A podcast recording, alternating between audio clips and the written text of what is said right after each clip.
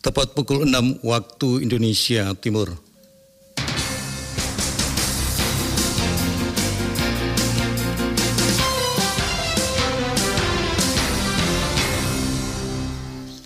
Radio Republik Indonesia Fak-Fak menyampaikan warta berita daerah. Selama pandemi Corona virus 19 ini kami sesuai dengan arahan atau perintah dari Dirjen Kependudukan dan Pencatatan Sipil Kabupaten Fak-Fak kami melakukan pelayanan secara online.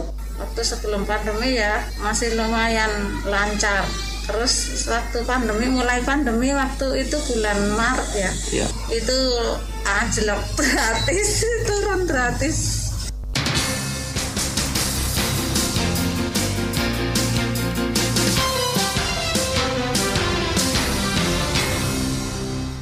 Selamat pagi, kami sampaikan sari berita.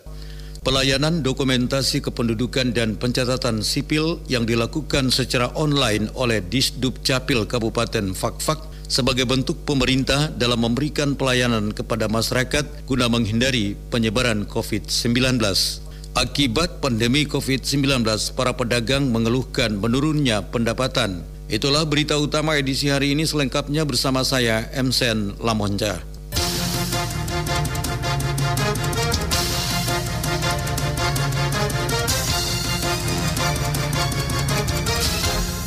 Kami sampaikan berita pertama. Pelayanan dokumentasi kependudukan dan pencatatan sipil yang dilakukan secara online oleh Disduk Capil Kabupaten Fakfak sebagai bentuk pemerintah dalam memberikan pelayanan kepada masyarakat guna menghindari penyebaran COVID-19. Di masa pandemi COVID-19, Dinas Kependudukan dan Pencatatan Sipil Kabupaten Fakfak memberikan pelayanan dokumentasi kependudukan dengan cara yang cepat dan mudah. Kepala Disduk Capil Kabupaten Fakfak Samad Hindo menjelaskan sesuai arahan atau perintah dari Dirjen Kependudukan dan Pencatatan Sipil bahwa semua pelayanan dokumentasi kependudukan selama adanya pandemi COVID-19 dilakukan secara online sehingga masyarakat Kabupaten Fakfak yang hendak mengurus dokumentasi kependudukan di Disduk Capil Kabupaten Fakfak dapat mendatangi kantor tersebut dan telah terpapar mekanisme dan tata cara pelayanan secara online. Menurut Samad Hindom, pelayanan yang dilakukan secara online tersebut juga telah dilakukan sosialisasi ke tingkat kampung dan distrik. Kami juga selama pandemi Corona virus 19 ini kami sesuai dengan arahan atau perintah dari Dirjen Kependudukan dan Pencatatan Sipil Kabupaten Fakfak kami melakukan pelayanan secara online di mana masyarakat Kabupaten Fakfak jika membutuhkan dokumen kependudukan dapat datang ke kantor Dinas Kependudukan dan Pencatatan Sipil di sana sudah terpampang nomor-nomor online. Pelayanan secara online ini dilaksanakan sejak Corona kurang lebih satu tahun yang lalu sehingga kami diperintahkan untuk melakukan pelayanan secara online. Kemudian ini juga mengacu pada surat edaran gubernur surat edaran bupati Kabupaten Fatwa Sementara Kepala Seksi Sistem Informasi Administrasi Kependudukan Lajana mengatakan tata cara pendaftaran dokumentasi kependudukan dan pencatatan sipil secara online di Distrik Capil Kabupaten Fakfak, pihaknya kini telah menyediakan nomor-nomor yang dapat dihubungi baik untuk pelayanan kartu keluarga, surat pindah, KTP, KIA, akta kelahiran, akta kematian, dan jenis dokumentasi kependudukan dan pencatatan sipil lainnya.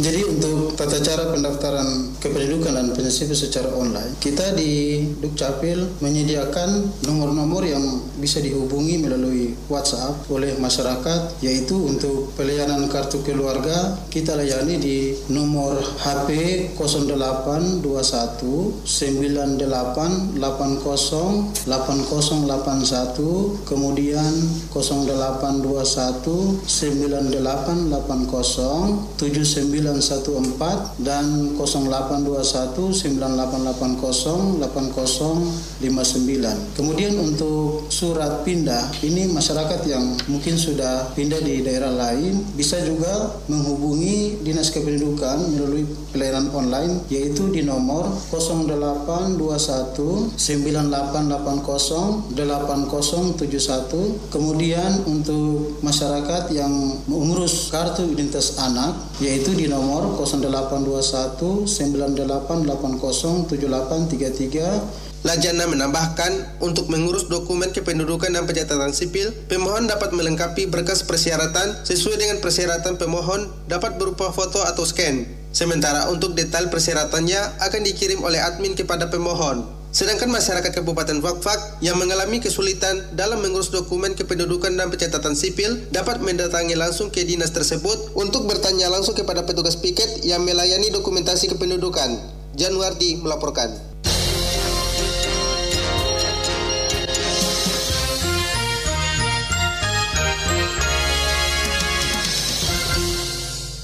Akibat pandemi COVID-19, para pedagang mengeluh menurunnya pendapatan. Berikut laporan selengkapnya.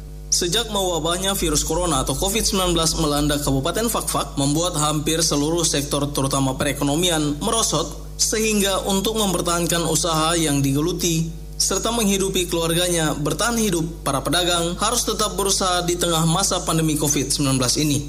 Seperti halnya Siti, pedagang warung makan Kurnia menyebutkan, Sejak virus corona melanda Fakfak pada Maret 2020, omset penjualannya turun drastis hingga 90-an persen dan ini sangat meresahkan. Ia mengungkapkan, sebelum masa pandemi COVID-19, di warungnya dapat menyediakan 8 hingga 10 ekor ayam, namun pada masa pandemi ini konsumen berkurang sehingga penyediaan ayamnya pun ikut berkurang.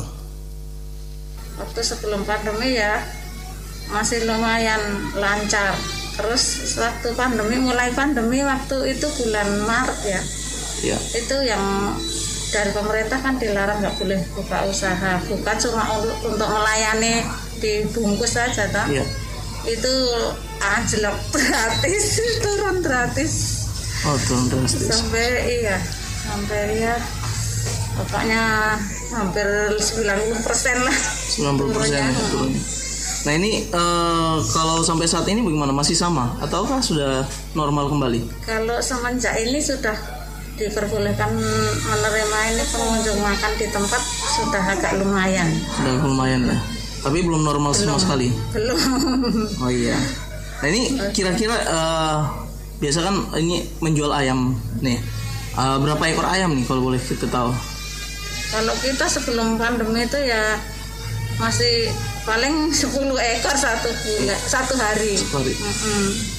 Kalau setelah pandemi waktu itu mungkin satu ekor juga waktu bulan Maret sampai bulan apa ya waktu itu saya lupa waktu suruh tutup nggak boleh menerima yeah. itu toh tapi kalau mulai sekarang ya sudah mungkin lima ekor enam ekor sejalan Menurutnya, selama 35 tahun menggeluti usaha warung makan, baru pada masa pandemi COVID-19 ini merasakan merosotnya penjualan. Namun ia menerangkan, pada akhir-akhir ini, pendapatan yang didapat sedikit meningkat dari awal masa pandemi COVID-19. Dijelaskan, para konsumen yang datang berbelanja ke warungnya diminta untuk mematuhi protokol kesehatan guna meminimalisir penyebaran coronavirus di daerah ini. Budi Rasidi melaporkan.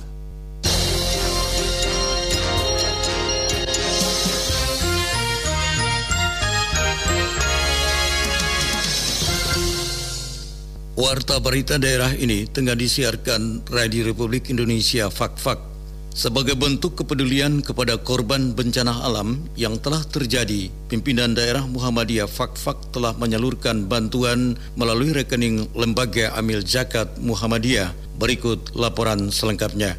Saudara, pada awal tahun 2021, bangsa Indonesia banyak dilanda bencana alam, mulai dari jatuhnya pesawat, banjir, gempa, dan longsor, sehingga mengundang simpati dari kalangan masyarakat, organisasi, komunitas, dan LSM. Pimpinan daerah Muhammadiyah Fakfak misalnya, melalui Perserikatan Muhammadiyah, Amal Usaha Muhammadiyah, Ortom Muhammadiyah, serta Majelis Taklim, telah melakukan penggalangan dana. Muhammad Ramdan SPDI selaku koordinator kegiatan mengungkapkan sebagai bentuk kepedulian kepada korban bencana bencana alam yang terjadi khususnya gempa di Sulawesi Barat dan banjir di Kalimantan Selatan, maka pihaknya telah mengumpulkan donasi sejumlah 16.363.000 dan telah diseluruhkan melalui rekening Lembaga Amil Zakat Muhammadiyah atau Lazismu. Donasi terkumpul dari sumbangan Perserikatan Muhammadiyah, ada juga dari amal usaha Muhammadiyah itu AUM, ada MI Muhammadiyah, MTS Muhammadiyah dan Orto Muhammadiyah itu dari Ikatan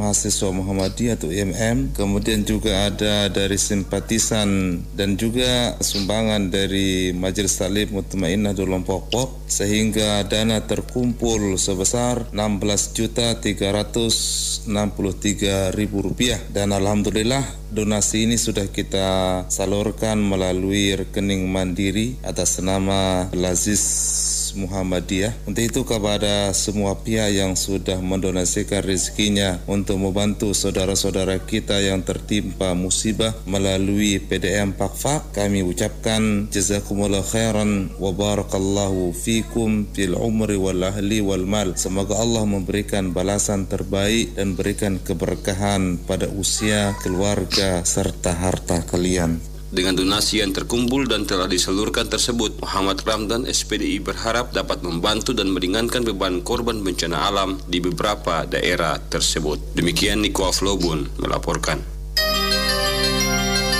Anda masih mendengarkan RRI Radio Tangga Bencana COVID-19. Keberadaan komunitas pencinta reptil fak-fak atau reptil fak-fak community diharapkan dapat memberikan sosialisasi kepada masyarakat agar tidak melakukan perburuan hewan liar, terutama hewan reptil. Ada saja hal yang dilakukan untuk memberikan penyadaran dan sosialisasi kepada masyarakat agar tidak melakukan pemburuan terhadap satwa liar. Salah satunya seperti yang dilakukan sebuah komunitas pencinta reptil fak-fak yang bernama Reptil Fak-Fak Community. Mereka para anggota komunitas ini membawa sejumlah hewan reptil untuk dipertontonkan ke hadapan publik di Taman Tugu Satu Tungku Tiga Batu. Tujuan mereka yakni memberikan sosialisasi kepada masyarakat agar tidak melakukan pemburuan hewan liar, terutama hewan reptil. Ketua Reptil Fafa Community Imam Khalid mengatakan keberadaan komunitas pencinta reptil atau Reptil Fafa Community bermula pada beberapa orang yang peduli terhadap hewan reptil yang kini banyak dibunuh tanpa sebab. Dikatakan Reptil Fafa Community terbentuk pada bulan Mei tahun 2020 yang lalu dan kini telah merekrut sebanyak 30 anggota terbentuknya komunitas reptil Pakpak. Saya dengan beberapa teman itu awalnya peduli sama beberapa reptil di mana selama ini banyak yang dibantai tanpa sebab. Dari situ kami timbul inisiatif untuk ciptakan komunitas pecinta reptil Pakpak. Jadi dari situ kita mulai ada anggota yang punya minat, teman yang punya minat untuk adopsi, pelihara, perhatian. Kita gabung sama-sama sehingga terjadi tercipta komunitas pecinta reptil. Jadi ada yang minat, ada yang suka, mari gabung, gabung hingga saat ini ya perkembangannya cukup lumayan lah. Banyak yang istilahnya yang suka sama reptil. Komunitas ini terbentuk dari bulan 5 2020 kurang lebih eh, 8 bulan yang lalu. Menurut Imam Khalid, ada berapa jenis reptil yang diadopsi ataupun dipelihara oleh komunitas pencinta reptil fak-fak, di antaranya aneka reptil endemik Papua dan reptil lokal Papua khususnya wilayah fak-fak. Sementara jenis reptil yang dipertontonkan oleh komunitas pencinta reptil fak-fak kepada masyarakat di Taman Tugu Satu Tungku Tiga Batu adalah reptil-reptil yang telah jinak atau yang tidak memiliki racun. Untuk reptil-reptil yang kita adopsi, teman-teman komunitas yang awalnya saya sarankan kalau bisa lokaliti Papua atau khususnya Papua, reptil-reptil di mana yang selama ini kita jumpai di Papua, kita adopsi untuk sampel edukasi ke depannya. Jadi di situ ada beberapa reptil yang asli Papua punya, di mana di luar sana tidak ada. Namanya reptil ada beberapa jenis kadal sama beberapa jenis ular. Kadal juga ada jenis-jenisnya, ada macam-macamnya. Begitu juga jenis ular juga ada bermacam-macam. Soal reptil yang mengandung bisa dengan bahaya itu memang ada. Tapi di sini di dalam komunitas ini kita belajar mengenal reptil-reptil tertentu, mana yang berbisa, mana yang tidak, mana yang dilindungi, mana yang belum dilindungi.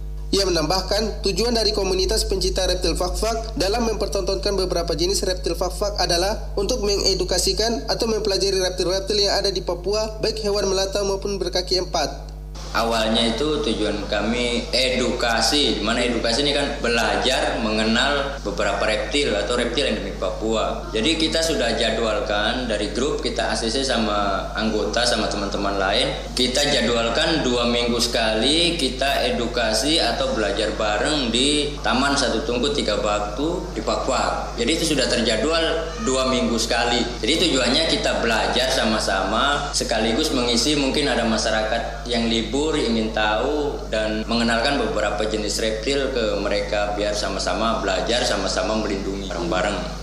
Dengan adanya komunitas pencinta reptil Fakfak, dalam hal ini Reptil Fakfak Community, masyarakat Kabupaten Fakfak dapat mengetahui reptil-reptil mana sajakah yang berbahaya bagi manusia maupun reptil yang dilindungi oleh negara. Selain itu, komunitas ini juga mengajarkan kepada masyarakat apabila menemui reptil-reptil yang dianggap membahayakan diri sendiri dan keluarga dapat menghubungi komunitas ini untuk menangkapnya dan dipelihara sesuai dengan hewan-hewan peliharaan lainnya.